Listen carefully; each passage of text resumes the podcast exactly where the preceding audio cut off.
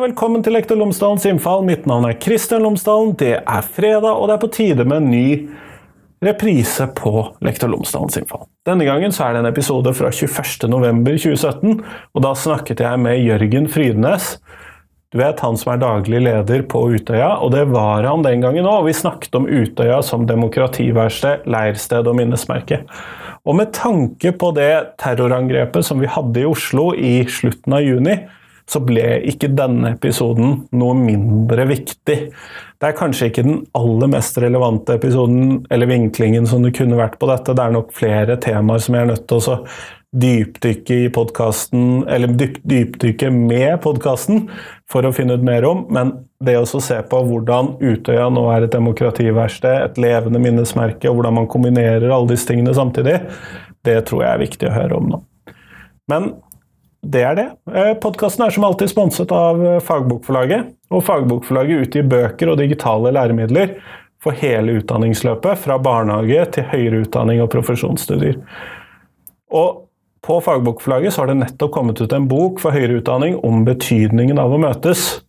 Og det er vel en stor enhet, dette her, da, med tanke på dagens tema for podkasten og det som skjedde tidligere i sommer. Og så har de også laget en bok for lærere i grunnskolen om planlegging, undervisning og vurdering i samfunnsfag, og de har lansert en helt ny naturfagserie for mellomtrinnet. Og så er det ikke sikkert at dette er det du er interessert i, men du finner noe på fagbokforlaget.no av læremidler og bøker, så du finner det meste der. Men nå kommer reprisen med Jørgen, vær så god.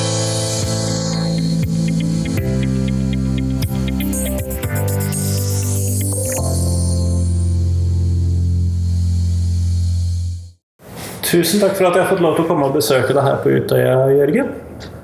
Bare hyggelig. Før vi starter, kunne du ha fortalt lytterne mine tre ting om deg selv?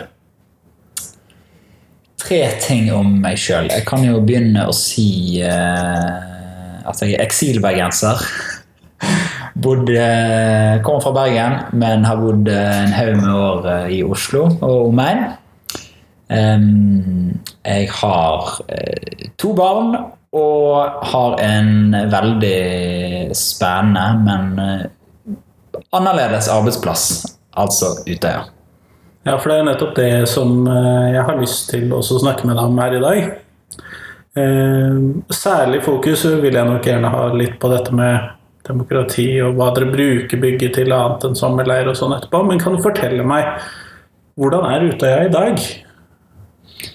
Utøya er et et levende sted med mange typer arrangement. Mange typer ulike grupper som kommer her og bruker Utøya som hovedsakelig som en arena for å jobbe for det de eh, tror på.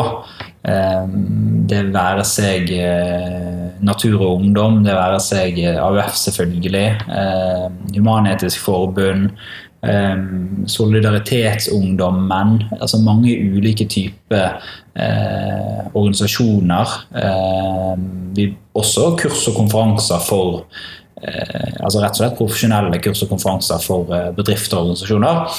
Men Ute har alltid vært et sted for ungdom, um, og Ute er fremdeles et sted for ungdom. Um, vi pleier å si at hvis du skal veldig kort oppsummere hva Utøya er i dag, så er Utøya et sted for å minnes. Det er et sted for å lære, og det er et sted for å engasjere seg. Og De tre ordene der, eh, minne, lære og engasjere, de er både tett eh, knyttet til hverandre rent eh, opplevelsesmessig, følelsesmessig, ved å være her ute. De er tett knyttet bygningsmessig og hvilke fasiliteter vi har å, tilby. Ehm, men de er også stort sett en integrert del av alle typer arrangement og eh, besøk vi har ute. Ja, det var jo ganske store dragkamper om hva Utøya skulle bli etter 22.07. Eh, du har jo hatt meg på en omvisning her for å vise meg de forskjellige bygningene og sånn. Og jeg syns jo det ser ut som dere har klart å løse en del av de utfordringene på en god måte. Ja, det er absolutt. Eh, det er ingen selvfølge hva man skal gjøre med et sted som dette. Altså Som både da før 22. juli har eh, en lang, viktig politisk historie. et av de viktigste politiske stedene i norsk samfunnsliv. Men som da samtidig er åstedet for norgeshistoriens kanskje verste terrorangrep, iallfall i moderne tid. Og um, hva gjør man? Um, hvilke tradisjoner har Norge for å håndtere sånne type hendelser? Minimale. Um, ja, Det er ganske få hendelser som kan sammenlignes. Ja, uh, Så spørsmålet selvfølgelig var veldig mange. For oss som har jobbet med Utøya siden 2011, så har det hele tiden hatt vi har hatt ett prinsipp i bunn. og Det er at vold, terror, skal ikke få vinne fram. Skal ikke få definere hvordan samfunn vi har, hvordan vi bruker eh, ja, ytringsfriheten. Hvordan man prøver å skape Skal ikke vinne fram å skape et mer intolerant samfunn. Um, samtidig så, så det er på en måte prinsippet om at terror, eh, litt sånn banalt enkelt sagt, ikke skal få vinne, eh, har jo vært eh, ligget i bunnen her eh, hos oss eh, hele veien. Samtidig så er det jo veldig mange måter man kan håndtere de rent fysiske eh, og følelsesmessige sårene på. For oss så har det også handlet om en sånn samfunnsmessig bærekrafthet, hvis du kan kalle det det. Altså det at um, terror kommer til å skje igjen i Europa, i Norge.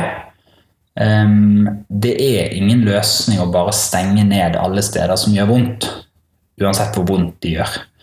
Vi må som sted, som samfunn, som enkeltindivider faktisk klare å leve eh, med det. Vi må finne en måte en ny fremtid, en ny meningsfull fremtid, også for disse stedene som er rammet av terror. Um, og det handler jo som sagt også i et, et litt større bilde. Um. Kan du fortelle meg om Heinhuset?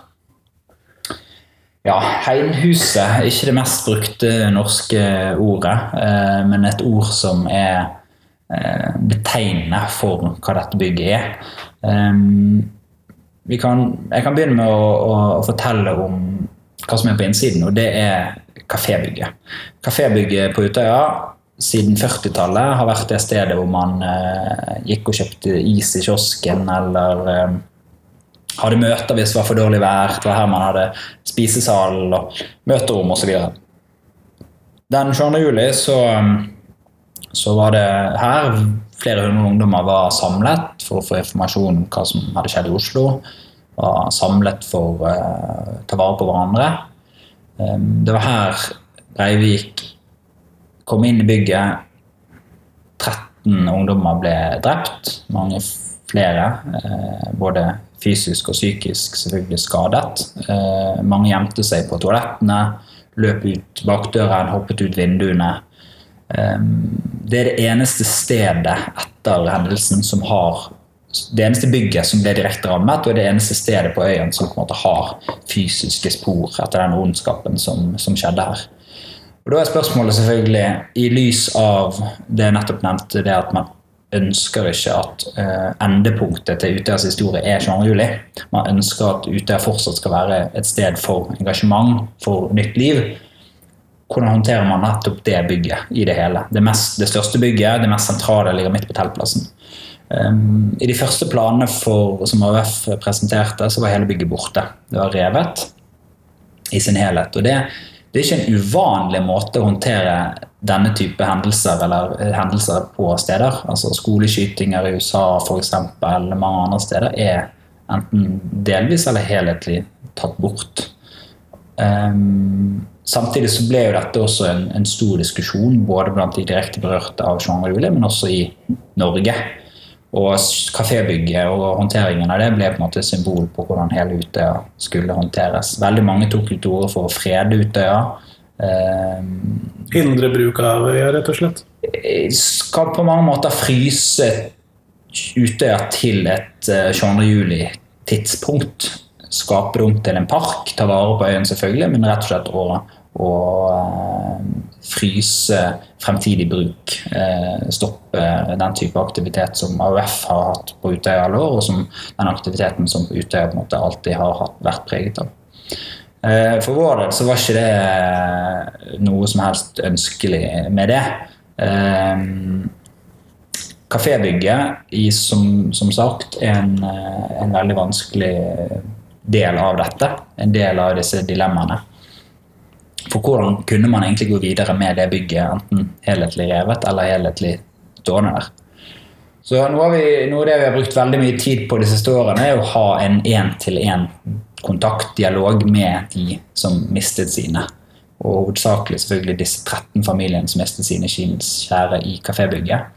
Sett i album, snakket om eh, deres kjære. eh, hva er behovene dine for kort sikt, for lang sikt? Um, diskutert med AUF, eh, de som overlevde, de som gjemte seg på toalettene. Eh, De som, eh, og her var det jo fullstendig også motstridende meninger. Noen av familiene sa at for at de skal gå videre i livet, så trenger vi at hele bygget rives. Andre sa vi trenger det stedet hvor barnet vårt ble drept, å komme til, på lik linje som de andre familiene har sine steder andre steder på øyen. Noen av de overlevende sa det samme. at Vi trenger å komme tilbake inn hvis f.eks. et lukket. jeg sto flere timer og, og reddet, men som reddet livet mitt. Mens andre sa jeg trenger å fjerne denne en måte, dødsbygningen. Etter hvert så, så kommer man jo, så er det jo ikke svart eller hvitt. Eh, Vi fikk eh, opprettet gode flater for dialog. Vi hadde mange vanskelige, men gode samtaler. Og vi har også lyttet og brukt ekspertise fra kompetanse fra, fra andre steder i verden. Eh, Alice Greenwald, som, eh, direktør, eller som er direktør ved 11. september-museet i New York, f.eks., har også vært en del av en, en ressursgruppe som har jobbet sammen med oss for, rundt disse spørsmålene. Og Etter hvert så kom jo dette, dette konseptet Heimhuset opp. Um, man innså at det var ikke nødvendigvis hele kafébygget som var essensielt her. Det var de berørte delene. Um, dette konseptet da, består av 495 ytre søyler. Det er én for hver overlevende. Altså hver eh, person som overlevde, har en symbolsk søyle, som da hegner om, tar vare på, beskytter eh, 69 søyler som går helt opp og bærer det nye taket. Eh, 69 som da er de som ble drept her 22.07.2011. Um, og Det er på en måte den ytre fasaden på dette bygget. Det er et bygg som da består av disse søyler og glass. Det er semi- semitransparent, kan du si. Eh, Og på innsiden så er da de berørte delene av kafébygget tatt vare på. Tatt vare på sånn som de var den ettermiddagen i 2011. Et ganske symboltungt bygg, da. Et veldig symboltungt bygg, absolutt. Eh, Men det er jo da symbolsk et hegnhus. Det er praktisk et hegnhus. Eh, så er det også da det stedet hvor vi både har valgt å fortelle historien om hva som skjedde her 22. juli som helhet. Og det er også det stedet vi har valgt å legge det vi har kalt et demokrativerksted. Kan du fortelle meg mer om dette demokrativerkstedet? For det er jo litt i kjernen av hva jeg eh, ønsket å komme hit for å prate om i dag. Man kommer jo selvfølgelig ikke utenom historien i den sammenhengen. Nei. Ehm, for å Altså bare For å fortsette også hvorfor det var viktig å ha dette. Eh, På mange selvfølgelig beslutningen om at vi ønsket å skape et sted som kunne være en arena for nye generasjoner med ungdommer for å diskutere demokrati, demokratiets fremtid, hva truer demokratiet. Det lå i bunn, men rent sånn fysisk og stedligheten kom jo som en del av prosessen rundt kafébygget og Hegnhuset. Um, fordi Hegnhuset inneholder jo de elementene som jeg sa. Elementer som på mange måter har sitt det har frosset på mange måter da historien 22.07.2011. Det er der kafébygget står som det gjorde, og det er der vi forteller historien hva som skjedde den dagen. På lik linje som Utøya som helhet skal ha denne ta vare på historien, fortelle historiene, men også legge til rette for nytt liv og nytt engasjement. Den balansen der hva vi opptatt av skal fungere på øyen som helhet, men også i dette bygget. Eh, Og dermed så var det viktig for oss at eh, i forlengelsen av eh, det gamle kafébygget, på bakkeplan, i direkte kontakt med teltplassen, som på en måte er ungdommens sted, hvis du kan kalle det det, der ønsket vi å skape dette eh, demokrativerkstedet, dette læringssenteret. Og Grunnen til at vi kaller det et demokrativerksted kontra et læringssenter, det er for det første fordi det er det det, det, det er. Det er, et, et, eh, det er ikke et high-tech eh, læringssenter hvor vi formidler til ungdom. Det er et sted hvor det legges til rette for at ungdommen sjøl må ta ansvar for demokratiet. Som må diskutere, som aktivt må delta for å jobbe med disse temaene. Eh, både her ute, men selvfølgelig også forhåpentligvis ta det med seg tilbake igjen i skolehverdagen. Um, og Det er da på en måte dette bygget. Eh, direkte vinduene som mange hoppet ut, står jo på mange måter over deg når du eh, er der inne. Eh, videorommet hvor, som aktivt del av mange undervisningsopplegg. Uh, da sitter du under storsalen i, i kafébygget.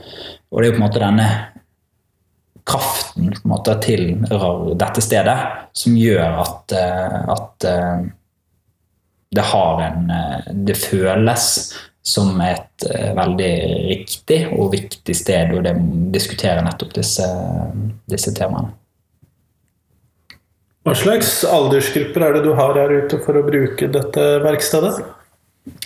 Eh, for altså, hovedmålgruppen når det gjelder direkte undervisning for skolen og skoleverket, så er det hovedsakelig 9. og 10. klasse.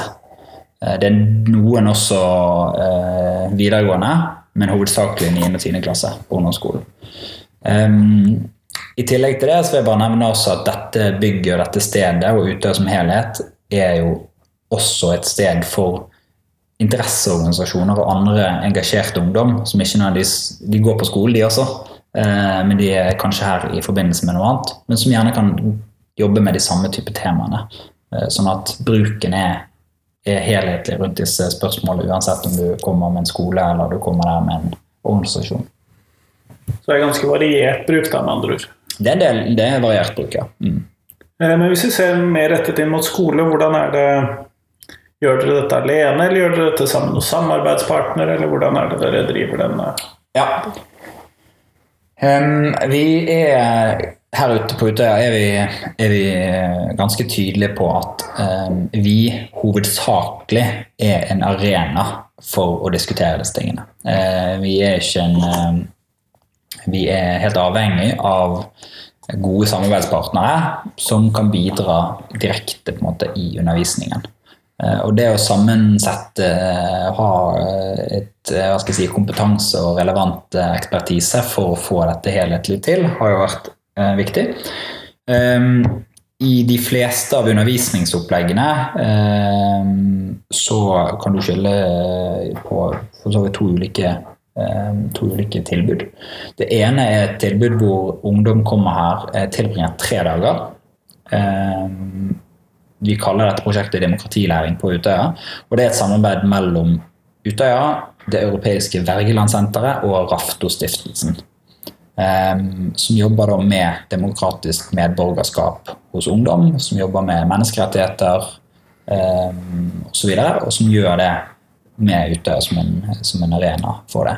Uh, det andre er jo i større grad dagsbesøk uh, fra skoler. Vi kan også tilby noe av det samme undervisningsopplegget eh, og de samme partnerne der men hvor eh, også 22. juli-senteret og eh, det tilbudet eh, vi har sammen med de, også kan tilbys som, som et undervisningstilbud her ute.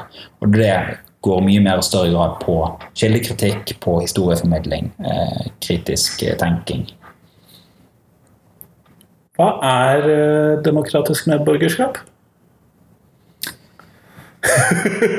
Godt spørsmål. Eh, vi, I disse prosjektene vi jobber med, så er vi jo opptatt av at eh, både elevene, men for så vidt også lærerne, eh, skal, og generelt disse ungdommen, skal lære om demokrati, for demokrati, men også gjennom demokrati.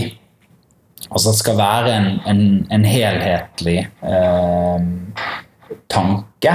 Eh, en helhetlig Og det er jo for så vidt eh, Nå kommer jeg tilbake en senere òg, men dette med å ha en eh, Det å ha en demokratisk kultur det å ha demokrati er ikke bare noe som kommer med et vedtak i parlamentet eller eh, osv. Det er jo noe som må man må praktisere, og som Utøya og 22. juli er et veldig tydelig eksempel på, er at noe som angår hver og en av oss hver eneste dag. Ehm, det at man har måtte, demokratisk medborgerskap som et, eh, en ryggrad, eh, sitter i ryggraden hos oss alle, eh, og at vi ikke tillater eh, at man skaper et samfunn hvor eh, mennesker ikke har det. Eh, I stor grad også dette, og i stor grad selvfølgelig også her skolen kommer inn da, som en utrolig viktig arena. Eh, skolene skal jo lære bort eh, demokrati og demokratisk sinnelag, eller noe lignende står det vel i offentlige plandokumenter. eh, tror du at skolen får til det? Ja, jeg tror de får til det, og jeg tror eh, det er jo også et, eh, et tverrfaglig mål. Eh, om man får det til godt nok, er jo et spørsmål som alltid kommer til å Uansett fag. Eh, vi er jo opptatt av at, av at man bør eh, styrke det arbeidet. Eh, og det kan man gjøre på ulike måter. Man kan gjøre det ved å ta med skolen din på Utøya og snakke om disse tingene. Også fordi man der får eh, en tydelig eh, en tydelig lærdom av at det er ikke noe vi kan ta for gitt, selv i fredelige, rike Norge. Eh, så er ikke kan du si, demokratiske spilleregler noe vi skal ta for gitt at alle følger. Eh, og det angår oss alle. Eh, men om det gjøres godt nok, er jo selvfølgelig et, et veldig vanskelig spørsmål å stille. Det vi også merker fra disse, disse undervisningsoppleggene og tilbudene, det er jo et ønske og et behov blant lærere om å kunne ha de riktige verktøyene for å kunne nettopp tilrettelegge for eh, demokratisk eh, debatt, kan du si. da, altså i tverrfaglig i de fagene de. Hvordan i en skolehverdag eh, har lærere, eh, skoleledelse, den, de rammene og den kompetansen for å tilrettelegge for en god demokratisk debatt? Hvordan skal man tilrettelegge for uenighet? Hvordan skal man på en måte lære ungdom å lære å leve med all vår forskjellighet og uenighet? Eh, og de verktøyene der eh, er iallfall tilbakemelding vi får fra mange at det er etterspurt. Ja, for det jeg har hørt om til nå, har vært eh, opplegg rettet mot elever, stort sett. Ja. Men eh, det du sier nå, tyder jo på at det også er noe opplegg her rettet mot lærere. Ja, eh, annet på dette prosjektet Undervis demokratilæring på Utøya, som er da et tredagersprosjekt.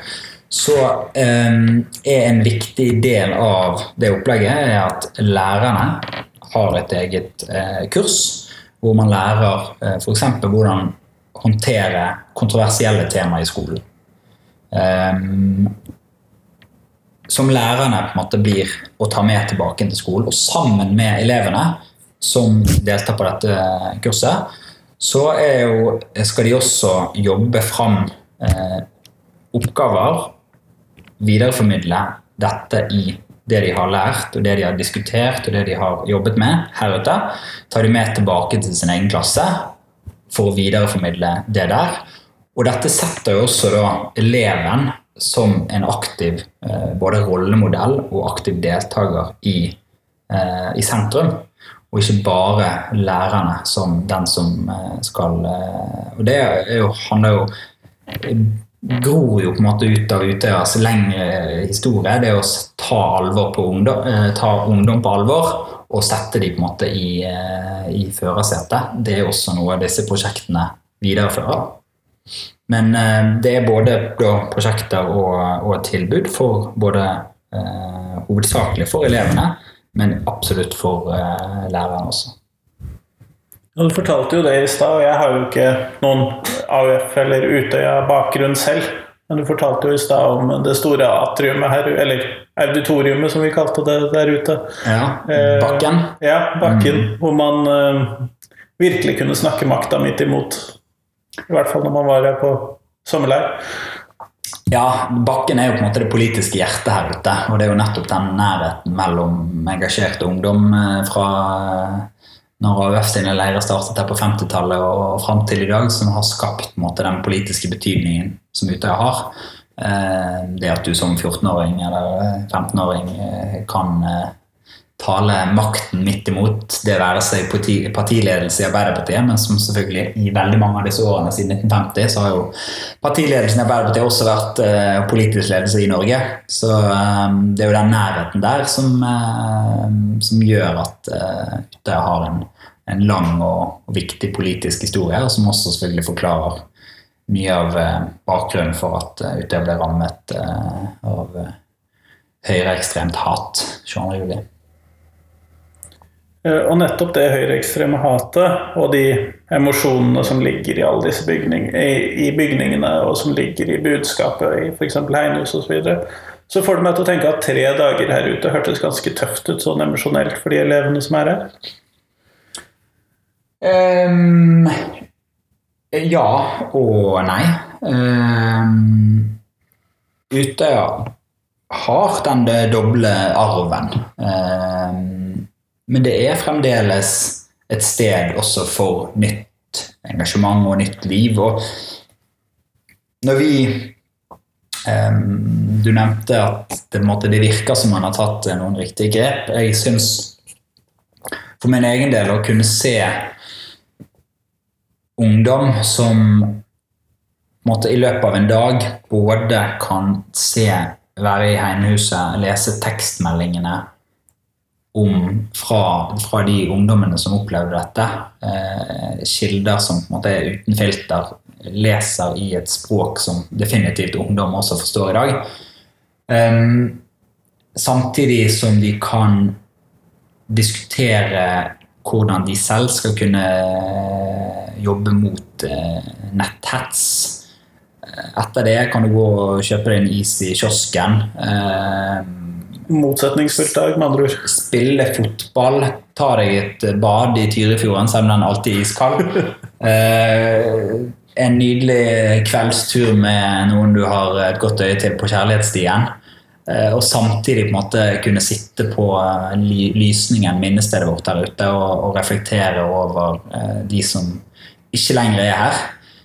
Det er en, absolutt en innholdsrik og en følelsesmessig på en måte berg-og-dal-bane, men det er jo nettopp det som gjør at den måte, fysiske, psykiske og den tilstedeværelsen da, du har, er ganske unik. Den tilstedeværelsen det eh, gjør at måte, denne rammen gjør at eh, engasjementet rundt disse spørsmålene på en måte blomstrer. Eh, som vi også får veldig mye tilbakemeldinger fra andre. Eh, selvfølgelig er det også tunge stunder, og det er vanskelige, eh, vanskelig historie. Men det er på en måte denne helheten, da, eh, minne, lære, engasjere, som gjør at, eh, gjør at tre dager her er tre dager som jeg tror de fleste av disse elevene og lærerne vil ha med seg resten av livet. Det virker i hvert fall som det er veldig Demokrati er jo et ganske abstrakt begrep. Men jeg syns i hvert fall det virker veldig håndgripelig når man går rundt et sted som dette. Ja, absolutt. Og det, det er akkurat det å prøve øh, ha praktiske, fysiske øvelser, som sagt, øh, for gjennom demokrati.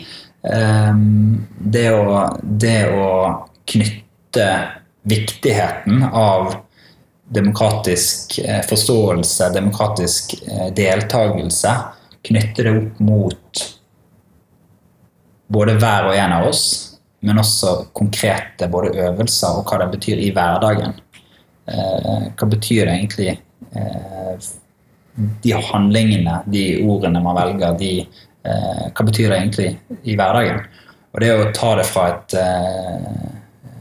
festtalenivå om viktigheten av demokrati til et håndgripelig hverdagsnivå, det er jo i stor grad også nøkkel, mener vi det.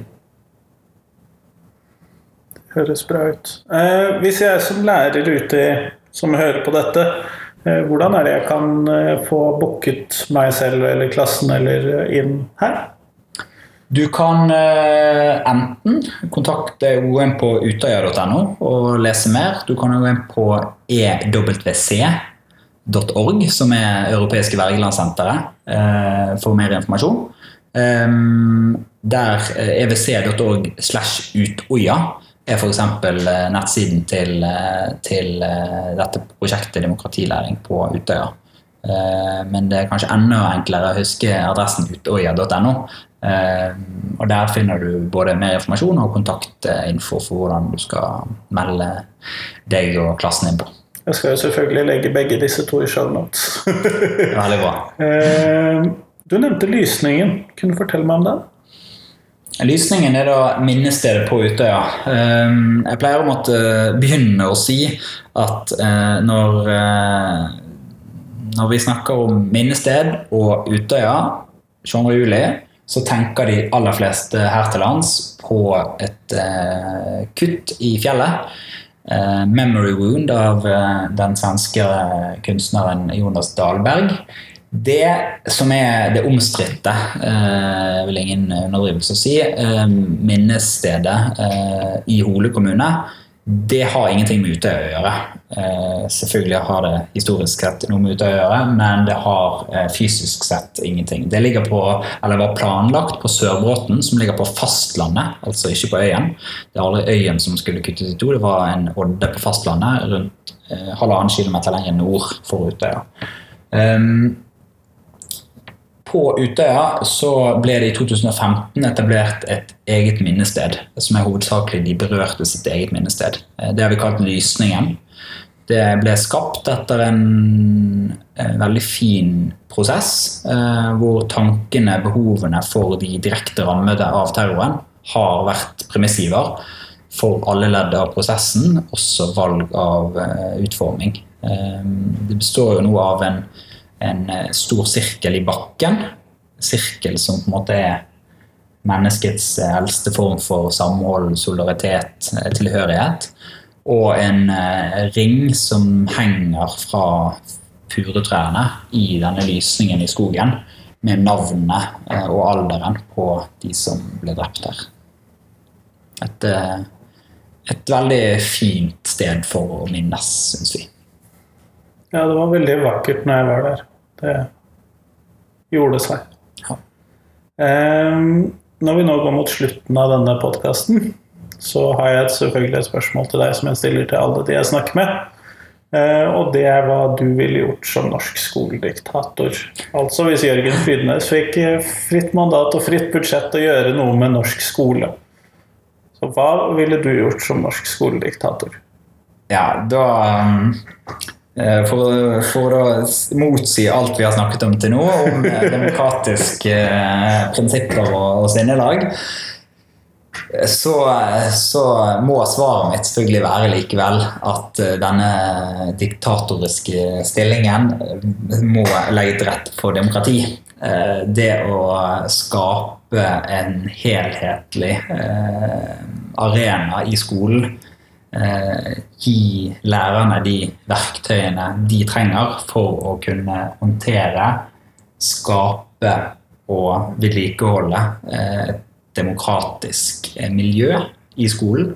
Som, at, som vil føre til et måte, helhetlig demokratisk medborgerskap, for å bruke det ordet, i skolen blant alle elever. Eh, det eh, er hovedsakelig det jeg ville brukt den makten på. Rett og slett. Hørtes veldig bra ut. Tusen takk for at jeg fikk lov til å komme hit i dag. Hjertelig takk.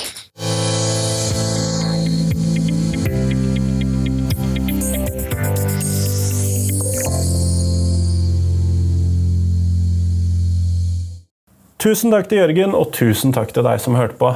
Nå er det fram til tirsdag, så kommer det et nytt intervju på podkasten, og det gleder jeg meg som vanlig mye til. Og så er det opp til deg. Vil du høre mer podkast, vil du trykke på abonner? Det blir jeg veldig glad for, for jeg liker at folk hører på podkasten min fra gang til gang. Eller har du lyst til å gå gjennom podkastlisten min og laste ned alle de episodene som du synes er interessante? Nå har jeg over 430 podkastepisoder, og jeg tror du finner et eller annet som du er interessert i blant dem. Det håper jeg i hvert fall. Fordi at ellers så blir jeg litt trist. Men vi, selvfølgelig så er det jo sånn hvis, det no, hvis, du ikke finner noe du er interessert i, og du er interessert i norsk skole, så lurer jeg på hva er du interessert i? Send meg tips om det. Og nå, nå får du ha en fin uke. Hei, hei!